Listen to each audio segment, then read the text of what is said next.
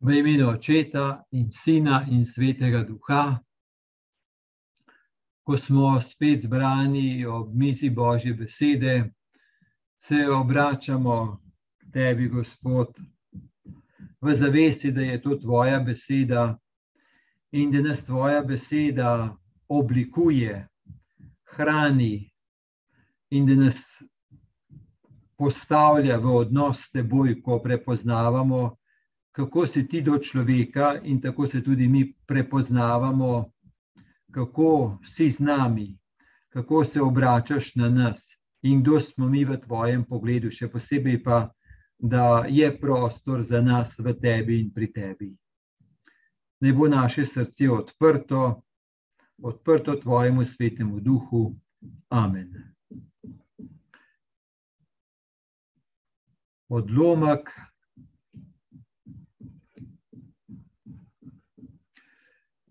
Pred nami je 31. nedelja med letom in je odlomek iz Lukovega evangelija, 19. poglavje od 1 do 10. In pravi tako. Tisti čas je Jezus prišel v Jeriho in šel skozi mesto. In glej, bil je neki mož, Zahaj po imenu, ki je bil višji cestninar in bogat. Želel je videti Jezusa, kdo je pa ni mogel zaradi množice, ker je bil majhne postave. Tekel je torej dalje in splezal na divjo smoko, da bi ga videl, zakaj tam je moral iti mimo. Ko je Jezus prišel na ono mesto, je pogledal gor in mu rekel: Zahaj, stopi hitro dol, danes moram ostati v tvoji hiši. In stopil je hitro dol in ga z veseljem sprejel. Ko so to videli, so vsi godrnjali, češ, ustavil se je pri grešnem človeku. Zahej pa je stopil pred gospoda in rekel: Glej, gospod, polovico svojega imetja dam v Bogim in ako sem koga v čem prevaral, povrnem četverno. Jezus mu je rekel: Danes je v tej hiši prišlo zveličanje ker je tudi on Abrahamov sin. Sin človeku je namreč prišel iskati in zveličati, kar je izgubljenega.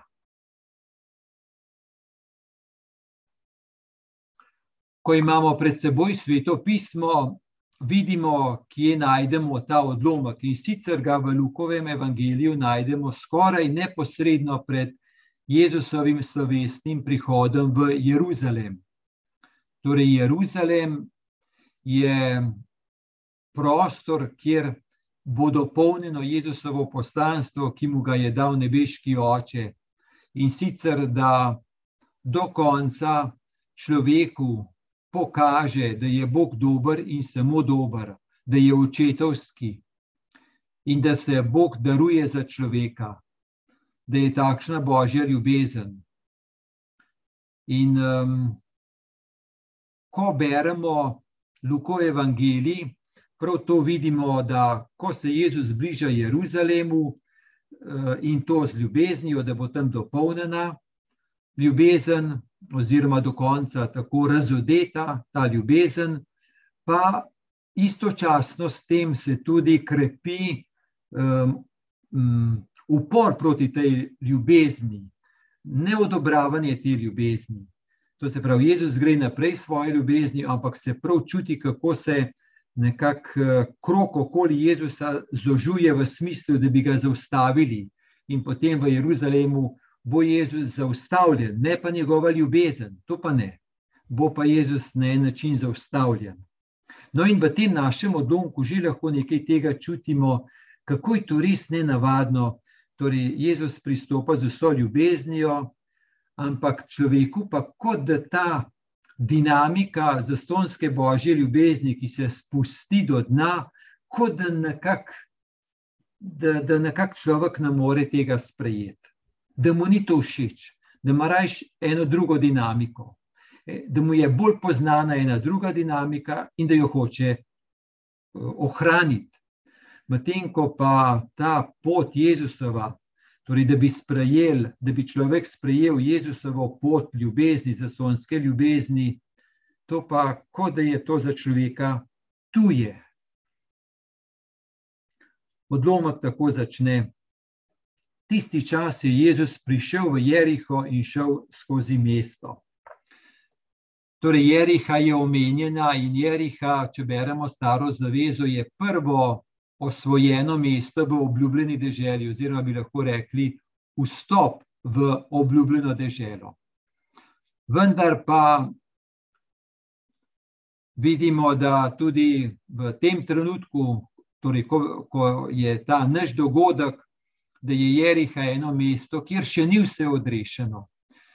Torej, tam, kot bi rekli, je vstop v starozavezni vstop v odrešeno deželo, v obljubljeno deželo, ampak vendarle še ni odrešeno, dokler Jezus ne pride in dokler Jezusova ljubezen prav vsega ne vzljubi. No, Jeriha je tudi eno tako mesto, ki ima eno posebno značilnost v smislu, da je pod gladino, torej nadmorska višina je pod gladino morja, okrog 350 metrov pod morjem. No, in um, potem iz Jerihe bo šel Jezus v Jeruzalem, ki je pa kakšnih 700-800 metrov nad nivojem morja. Pomeni, kaj to pomeni simbolno? Pomeni, da je v Jerihu, torej, da je Jezus tam na eni zelo nizki točki. In simbolno to pomeni, torej Jeriha v tem smislu bi lahko rekli, da je ena izmed najnižjih kopnih točk na zemljski površini. In torej, je, simbolno gledano, Jezus gre prav do dna, kjer je človek odtrgan od Boga, odtrgan od Božje dobrote, odtrgan od zastonske ljubezni in tja gre, da to zastonsko ljubezen prinese in zdaj jo bo prinesel za haju. Torej, da je tudi kot ena skrajna točka, ko človek lahko zgreši, ko gre napačno pot, tja gre Jezus, potem pa bo šel proti Jeruzalemu. No, in pravi, da je šel skozi mesto. To je en tak izraz, ki nam govori o Jezusu, o božji ljubezni, ki obiskuje človeka, ki hodi tam, kjer človek živi. E, torej, Jezus Kristus obiskuje človeka, kjer Jezus živi. Naprej pravi, in glej, bil je neki mož, zahaj po imenu, ki je bil višji cestninar in bogat. No, da je ime povedano, pomeni to, da je kar dana ena vsebina tej osebi, torej temu Zahaju. Pravi, je bil višji cestninar in bogat. Smo že kdaj omenili, da so cestninari bili ena kategorija ljudi, ki so uh, bili v službi okupatorjev Rimljanom, o, Rimljanov. Oni so imeli v zakupu um, kot eno licenco so imeli, pa koncesijo, da so pobirali carino, cestnino, Rimljani so iz tega dobili svoje, svoj dobiček. No, cestninari pa je bilo marsikdaj tako, da so torej, si tudi kaj pogoljufali, zlorabljali svoj položaj. Vsekakor pa ta kategorija ljudi je bila med ljudmi zelo zaničevana, In ta zahej je gotovo, ko so ljudje mimo njega hodili, torej ljudje, ko so mimo njega hodili in mu morali plačevati carino, in tako je gotovo čutil ogromno pogledov, ki so ga zaničevali, obsojali, se zgražali. V tem smislu, kako moraš tako nizko pas, da se daš v službo okupatorjev, ki so naši sovražniki. Kako je možno, lahko je tudi, ne vemo, lahko je tudi Zahaj vase vzel te poglede ljudi, morda je tudi sam sebe zaničeval in se imel za nevrednega in manj vrednega zaradi tega. Ljudje gotovo so ga gledali, da je on grešnik in samo grešnik in definitivno grešnik, ki je padel, moralno padel in ga bo sram, da je takšen, da mu ni pomoči, da njemu ni nobene pomoči.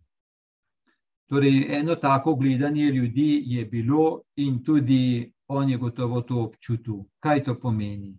Je sicer imel bogatstvo, je imel tudi svoje kolege, ampak vendarle, kako so pa ljudje na njega gledali, to je pa tudi gotovo čutil. Pravi celo višji cestnina pomeni en višji rang in bogat. No, kaj pomeni ta oznaka, da je bil bogat v Lukovem evangeliju? Mal nazaj od našega odlomka, Luka 18, 24, 25, beremo tako. Kako težko pridijo tisti, ki imajo premoženje v Božje kraljestvo. Lažje gre namreč kamela skozi šivankino uho, kakor bogataš pride v Božje kraljestvo. Torej, kaj to pomeni? Pomeni, da bogataš skoraj ne more priti v Božje kraljestvo, bogat človek ne more priti v Božje kraljestvo. Torej, je tako rečeno, da nekako bogatstvo je tista uvira, biti bogat je tista uvira, ki človeka, torej, da je človek bogat, živi svojega bogatstva in se ne more odpreti Božjemu kraljestvu, da bi zaživel Božje kraljestvo, ker se to nastane na bogatstvo. Če zaključimo, torej ta kratek opis Zaheja nam govori, da Zahej kakšne prav velike možnosti, da bi se odprl Bogu, Božjemu kraljestvu, da bi zaživel polno odrešeno življenje, da nima, ker je pač cestninar in je zgrešil in še bogat po vrhu. Torej, skoraj bi rekel, da kakšne velike možnosti, da bi se njegovo življenje spremenilo, pa da bi zaživel, da bi spoznal Boga, Božjo ljubezen, da dejansko ni. Ampak, poglejmo naprej pravi odlomek. Želel je videti Jezusa, kdo je, pa ni mogel zaradi množice, ker je bil majhne postave. Tekel je torej dalje in splezal na divjo smoko, da bi ga videl, zakaj tam je moral iti mimo. Torej, tu vidimo, da to njegovo stanje, da je živel v bogatstvu in da je iz tega živel, oziroma to njegovo stanje tudi zgrešenosti, da ga vendarle ni povsem posrkalo, da je njegovo srce še vedno ostalo odprto Jezusu. Torej, nekaj ga je gnalo, pravi, želel je videti Jezusa, kdo je. Torej, nekaj ga je gnalo. Tukaj um, vidimo, smo rekli, da Zahaj se ni mogel um, naslanjati na svoje zasluge, bi rekel: No, jaz bi rad do Jezusa prišel in se mu bom pokazal, da sem pa en ta prav jut veren in zaslužen, in me bo Jezus sprejel in spoštoval, zato ker sem tak in tak. Zahaj ni imel prav nič takega, da bi se na osnovi lastnih sposobnosti, zaslug, dosežkov, da bi se postavljal pred Jezusom in mu rekel: No, vidiš, da sem nekdo in imam zato pravico do tebe in do srečanja s teboj. Nič tega ni imel, prav nič. Pravi, želel je videti Jezusa, kdo je. Zdaj, mi niti ne moramo vedeti, kako globoka je ta želja. Ali je to bila želja po srečanju ali ne, morda niti ne. Želel si ga je samo videti, očitno je slišal praviti o njem in si ga je želel videti, kdo neki je ta človek, da ga ljudje toliko omenjajo. Ker ko so ljudje hodili po cesti mimo, kjer je bil on cestinar, je gotovo tudi slišal o njem. Torej, želja v njem pa je bila. In ni avtomatsko, da ko je človek v stanju zgrešenosti, zaničevanja se strani ljudi, prezira se strani ljudi, da ostane v njem vendarle ena želja po Bogu, po božji ljubezni, po srečanju z Jezusom. Ni avtomatsko. No, in še naprej pravi, ni mogel videti Jezusa zaradi množice, ker je bil majhne postave. Torej, tukaj vidimo, da je še dodatna ovira. In sicer množica je ena ovira, in pa njegova majhna postava. Torej, majhna postava ni treba zdaj videti samo, ali je bil visok 150 cm ali 153 cm, ne gre samo za to, je tudi simbolno. Torej, mm, kaj pomeni, naprimer, za nas, če simbolno gledamo, kje smo mi tako majhni, da ne moramo videti Jezusa, da v svoji majhnosti ne moremo videti Jezusa. Lahko je to, da imamo občutek, da je moja vera tako majhna, da se itak z Jezusom ne morem bolj osebno srečati. Lahko da imam ta občutek majhnosti, da sem površen v veri, da je tako enega globjega, močnejšega odnosa z Jezusom ne morem zaživeti. Torej, ta majhnost ima lahko veliko imen. Pomembno je to, no, torej, da je ovira, ampak ta ovira lahko postane tudi prednost za srečanje z Jezusom. To, kar se meni zdi, da je ovira, lahko dejansko postane kot ena odskočna deska za globlje in močnejše srečanje z Jezusom.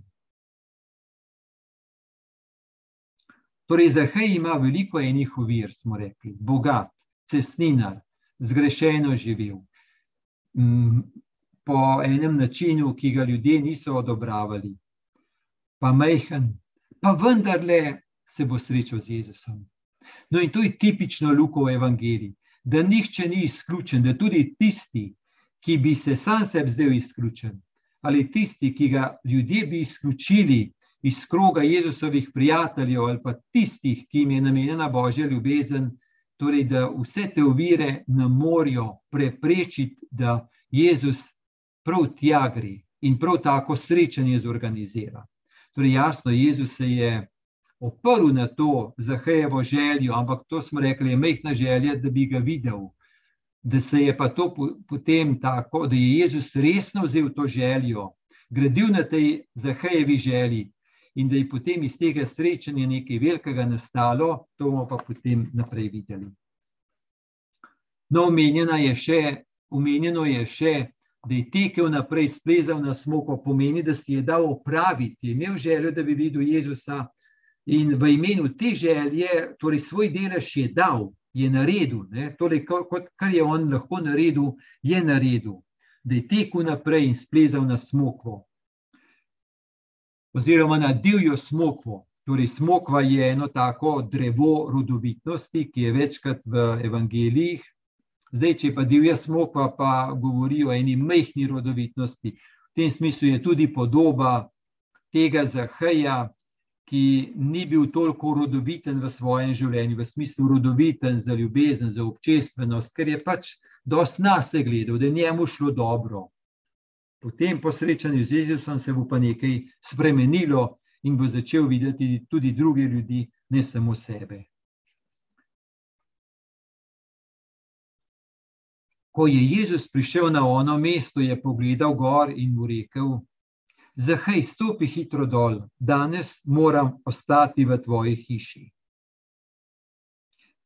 No, če se uživimo v Zahaja, torej kako je hitev naprej, kako je splezal gor, kako je gledal dol, povorko ljudi in kako je Jezus tam med, med njimi bil in kako je lahko videl, kako se je ta procesija naprej pomikala.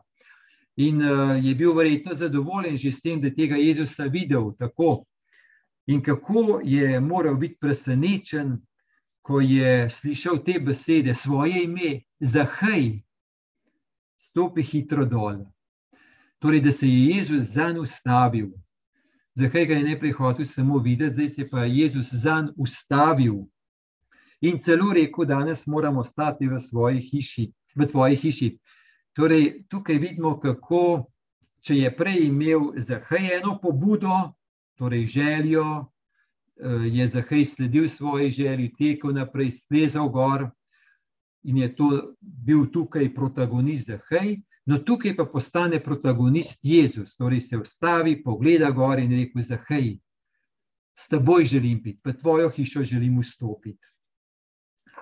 Torej si lahko predstavljamo Zahaja, da je bil res presenečen, da se to zgodi in da se to njemu zgodi ker tam v množici je bilo gotovo ogromno, bi rekel, vrednih ljudi, bi rekel, takih,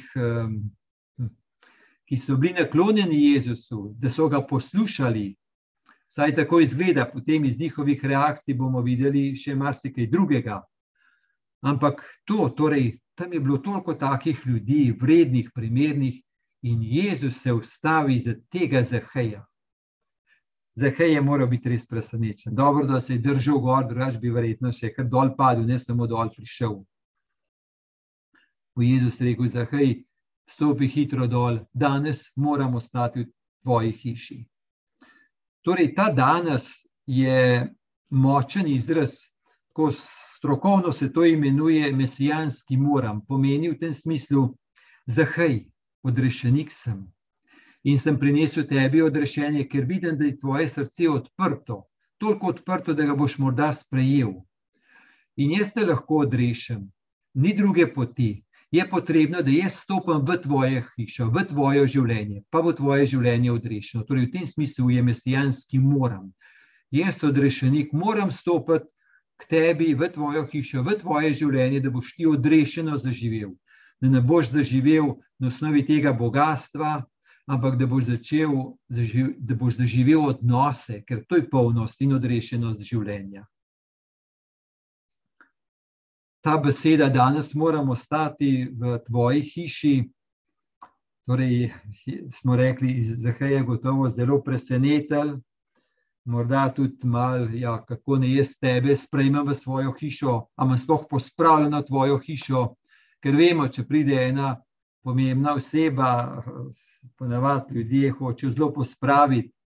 Ni dolgo nazaj, ko je nekdo rekel, smo se nekateri najavili na obisk, pa, pa je potem, če smemo pride, če lahko pridemo. Ne? Potem je bilo nekako nam tako rečeno, ja, pridite, seveda, samo povejte, da sprej, da ste prišli, da bomo dobro pospravili. Torej, kako se je on doživljal v svoji hiši, tako kot je bilo, nič ni mogel zboljšati, tako se je zgodilo. In simbolno to res pomeni, da torej Jezus želi vstopiti. Jezus želi vstopiti v naše življenje, kot so, da mu le nekaj prostora damo. Torej, Zahaj je imel nekaj želje, toliko, da je lahko Jezus vstopil. Jezus je rekel: No, daj me še bolj k sebi sprejmi. Dovolj mi, ne samo, da se srečava nekje v javnem prostoru, ti gor na drevesu, jaz tukaj dol, oziroma v tej množici. Ne to, jaz želim še kaj več, želim bolj v tvoje življenje stopiti, k tebi stopiti, kjer tvoje življenje teče. Tam želim biti, spusti me blizu, dovoli mi. Mene gre za to, da najdem pospravljeno hišo, meni gre za to, da mi ti odstopiš prostor, da mi dovoliš, da vstopim. To je za me čist dovolj. Jaz poznam dobro, kakšno je človeštvo in kakšen si ti. Samo da mi daš prostor v svojem življenju. To je dovolj tako simbolno gledano, je to res izredno močno. Ker mi včasih res tako čudno gledamo, da kot da nekako, tako kot smo, nismo dosto v redu, da moramo postati malo boljši, potem se bomo pa lahko z Jezusom srečali. Ampak je Jezus, ki prihaja, On nas prvi išče, On nas hoče doseči v tem, kar smo. In nima smisla misliti, se bomo mi poboljšali, potem se bomo pa z Jezusom srečali. To se nikakor ne bo išlo. Jezus išče, kar je najnižjega, najbolj padlega, najbolj zgrešenega, ker on ima odrešenje za to. Ne mi, on je odrešenik, nismo mi. Mi smo edino tisti, ki smo potrebni odrešenja in da dovolimo, sprejmemo. To bo lahko nas je sram, ampak vendarle pred božjo ljubeznijo, vsaj tam pa ni potrebno, da bi nas bilo sram pred nepospravljeno hišo. Torej, srečamo se z Jezusom lahko tam, kjer smo, oziroma Jezus nas lahko sreča in je zainteresiran, da nas sreča v tem, kjer smo in kot smo in kjer teče naše življenje. Ne v tistem, kar naj bi bilo. No, tudi močna je ta beseda, da želimo ostati v tvoji hiši. To je močen glagol. Ostati. Torej, ne samo malo prid, pa malo tako, torej danes, ampak smo rekli, je mesijanski dan, da se nekaj spremeni, da nastopi odrešenje in da če nastopi odrešenje, pomeni, da nekaj ostane. Da zaradi Jezusa, ki vstopi v življenje in ostane v življenju, je življenje drugačno. Torej, ta močen izraz ostati ni samo kronološko gledanje, da je ostal za par ur, ampak da je vstopil v življenje in je ostal v življenju. Božja ljubezen je ostala prisotna v srcu. No, torej smo rekli, da je bil gotovo zelo presenečen, kako je odreagiral. Pravi odlomek. In stopil je hitro dol in ga z veseljem sprejel. To je kar res močna beseda torej stopil hitro dol in ga z veseljem sprejel. Pomeni odzivnost.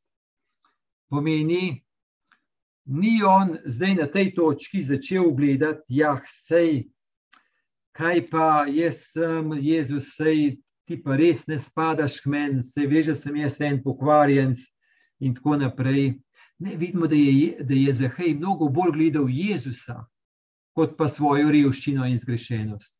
In to pa je pomembno, da nas Jezus lahko najde, je to možno edino tako, da mi bolj gledamo Jezusa, njegovo dobroto do nas, njegovo brezpogojno zastonsko ljubezen, kot pa da gledamo, koliko smo v redu, koliko smo v redni, koliko smo pošlihtani, da bi potem Jezus hotel prijeti, oziroma da bi Jezusa sprejeli.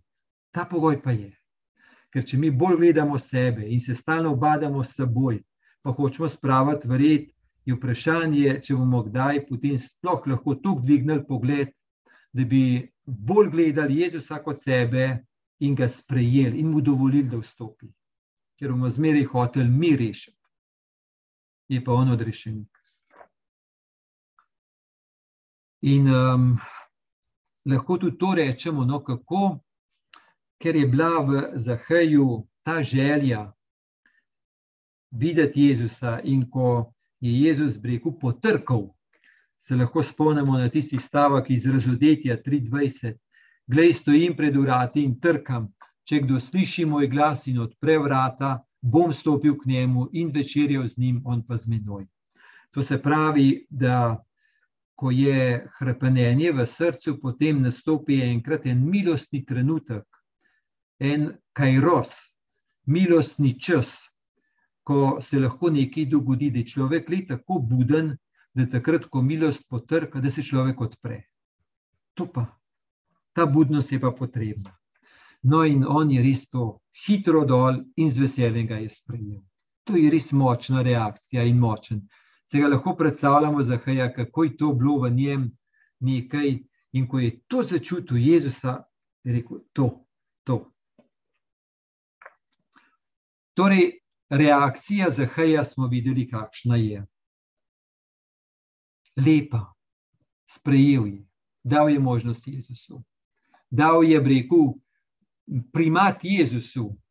Poslušal je Jezusa, da je on rekel: Jaz želim stopiti, tam me sprejmaš. Tako, skoraj bi rekel, Jezus je imel v silu. Ampak v tem smislu, zakaj je dal prednost Jezusu, on ni gledal na svojo zaničevanost in tako naprej. Ljudje so ga zaničevali, smo rekli, so ga imeli za nevrednega, morda celo on sam sebe, ampak je dal prednost Jezusu. Taka reakcija. Kaj pa reakcija ljudi? Pravi odlomek. Ko so to videli, so vsi godrnjali, češ, ustavil se je pri grešnem človeku. No, poglejte, to je pa reakcija. Zelo je rečeno, vsi so godrnjali. Torej, ni jim šlo v račun, kako da se je Jezus, tako velik, pošten in dober človek, kako da se je ustavil pri rešnem človeku. Da to pa vendar ne gre skupaj s podobo enega božjega človeka, da božji človek pa vendarle, kaj ima z grešniki upravka božji človek pač bi šel v tistem, ki so neki vredno, pa bi jih pohvalil, kaj bi pa z grešniki naredil. Ja, grešnike pa vredno bi jih ukregal. Se predstavljate, da bi Jezus takole naredil? Zahej, stopi brž dol, ne boš mi všel, zdaj te bom pa jaz predvsem ukregal, da si namaren, da si neč ureden, da ni nič s teboj, da greš hremljanom, da goljufaš, sram te bo, kako moš tak biti. Če se ne boš poboljšal, ti povem, da se všel pokrut svrl, sram te bo. No, če bi Jezus tako rekel, kaj pravite? A bi ti ljudje, ki so okrog stali, a bi ploskali? Morda bi res bi rekel, končno, ti ploskamo, Jezus, to, tebe smo čakali, ti boš red naredil in na ta način boš red naredil. No, ker je šel pa Jezus, torej noter, smo rekli, ne bo ga javno nič ukrehal, pa to, ampak hoče stopiti noter, v zelo oseben odnos. In to jim pa ni šlo v račun, da se Jezus druži in da hoče biti z grešnim človekom tako blizu. Ni jim šlo v račun. Godrnjali so. Godrnjali je to ena taka drža. Ja, Jezus, kaj, kaj, kaj, kaj, kaj se. A ne veš, kaj se dogaja, a ne veš, kakšen je ta človek. Torej, kot da bi se malo povzdignil nad Jezusa, da, da ne morejo ga sprejeti. To pa ni v redu, Jezus. Kaj je to? Tukaj nekaj ni v redu. Torej, oni so pa ostali zelo pri sebi. Smo rekli, zakaj je dal primat Jezusu, mu je dal možnost. Te ljudje so pa bolj pri sebi ostali. Ni to v redu, Jezus. Torej, so ga drnjali, pri sebi so ostali, zaprti vas, niso se mogli Jezusu odpreti. Pa mu dati možnost. Tako je. Tako je.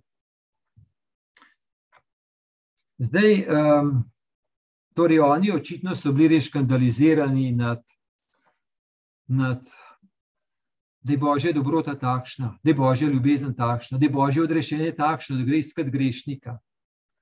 Torej, da bi bilo božje odrešenje tako, da bi Jezus nekako grešnike proti spravu in dal medaljo v redu, to bi morda sprejeli. Zdaj, morda se mi čudimo, kako da so oni kodrnjali. Ampak, dajmo pogledati tudi nas. Kaj, na primer, pomeni, kako mi odreagiramo, a se kdaj mi škandaliziramo nad božjo dobroto, da je Bog dober do tistega, ki je grešnik. Kaj šele, da je Bog dober do tistega, ki nam ni všeč. A ne bi se kar hitro naredili, da bi božji dobroti rekel: Jezus, ne hoditi tisti v sebi, veš, da on pa res ni vreden, on pa res ni vreden. Ti sploh ne veš, kakšen je, njemu pa ne hoditi. Torej, da bi nam kar hotel, da bi, mi imeli, da bi mi bili tisti, ki bi rekli, kam naj božja ljubezen gre, da bi mi bili glavni in da če bi šel v kršten, ki nam ni všeč, pa ga imamo mi za nevrednega, bi bili res lahko škandalizirani. Ja, ni res. Tako smo, ali pa tudi, da bi božja ljubezen v nas ljubila tisti del, ki se nam zdi nevreden. Vse dejansko mislim, da to ni kar tako enostavno to sprejeti in spustiti božjo ljubezen tja. Torej, da božja ljubezen ljubi in sprejema in spoštuje tisti del nas, ki ga mi imenujemo kot v redu, dobro, ni, ni problema. Ne? Ampak da božja ljubezen lahko ljubi in da ljubi še posebej in išče tisti del v nas, ki je zgubljen, in da ga spustimo v tisti del, no, to je pa že nekaj proti dinamike, ki se tukaj dogaja. Zdaj lahko si predstavljamo, kako je šel pogovor med eh, Zahejem in Jezusom v njegovi hiši. Kaj pravite, je šel tako, da bi Jezus rekel: Zahej, zdaj le pa boš ti slišal take, ki jih še ni slišal. Če si všel vsem inštancam, reda pa pravil, meni pa ne boš šel. Zdaj te bom pa jaz do konca spucal, poš pa ti že videl. Torej, je šel na ta način pogovor, aj pa šel na kakšen drug način. Gledamo celoto evangelija, pa bomo nekako zaslutili, kako je bil pogovor med njima, kljub temu, da ni zapisan. Ampak lahko pa vendarle zaslutimo, da Jezus ni gledal samo njegovega greha, da je on je gledal njegovo osebo in njegovo pripravljenost, da je pripravljen od Jezusa kaj sprejeti in zaživeti drugače. Da je pripravljen sprejeti Jezusovo ljubezen in, in zaživeti drugače. Torej, da je šel pogovor v to smer, da mu Jezus nekaj hotel dati, njemu kot osebi. No, in kaj se je potem zgodilo?